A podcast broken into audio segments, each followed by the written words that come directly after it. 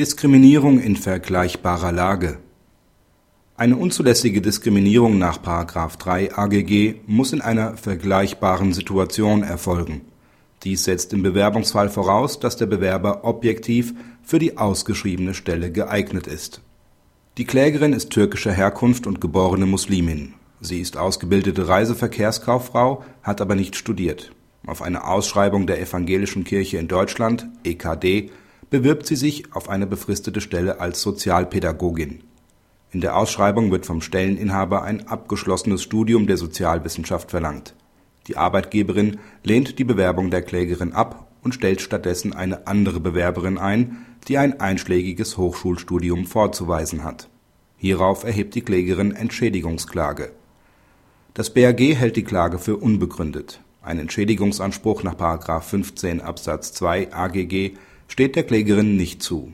Zwar steht die Ernsthaftigkeit der Bewerbung der Klägerin nicht in Frage, da jedenfalls kein krasses Missverhältnis zwischen dem Anforderungsprofil der zu vergebenden Stelle und den konkreten Qualifikationen der Klägerin besteht, die Klägerin wurde jedoch nicht in einer vergleichbaren Situation im Sinne von § 3 Absatz 1 Satz 1 AGG ungünstiger als die tatsächlich eingestellte Bewerberin behandelt Vergleichbar ist eine Auswahlsituation im Bewerbungsfall nur für Arbeitnehmer, die gleichermaßen die objektive Eignung für die zu besetzende Stelle aufweisen.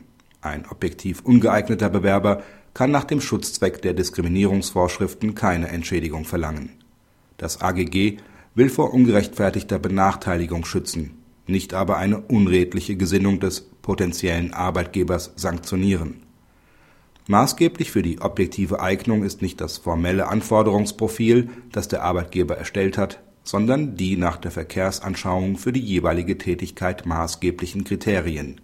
Die objektive Eignung ist zu trennen von der individuellen fachlichen und persönlichen Qualifikation des Bewerbers, die nur als Kriterium der Auswahlentscheidung auf der Ebene der Kausalität zwischen Benachteiligung und verbotenem Merkmal eine Rolle spielt.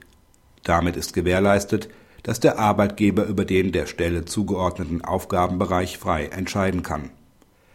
Gleichzeitig wird ausgeschlossen, dass der Arbeitgeber mögliche Diskriminierungssachverhalte durch die Gestaltung des Anforderungsprofils manipuliert.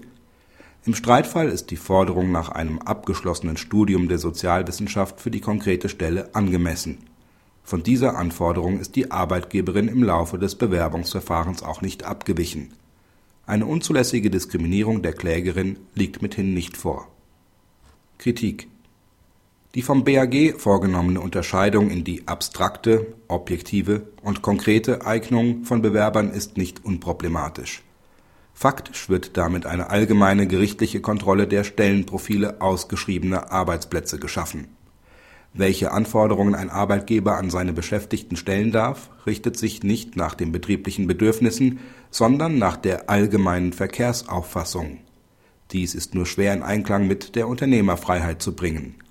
Mit der vom BAG gewählten Konstruktion lassen sich zwar unnötige Diskriminierungsklagen eingrenzen, dogmatisch zutreffender wäre es aber, die Lösung im Bereich der fachlichen Auswahlhoheit des Arbeitgebers zu suchen und nicht in einer generellen Beschränkung des Klagewegs für ungeeignete Personengruppen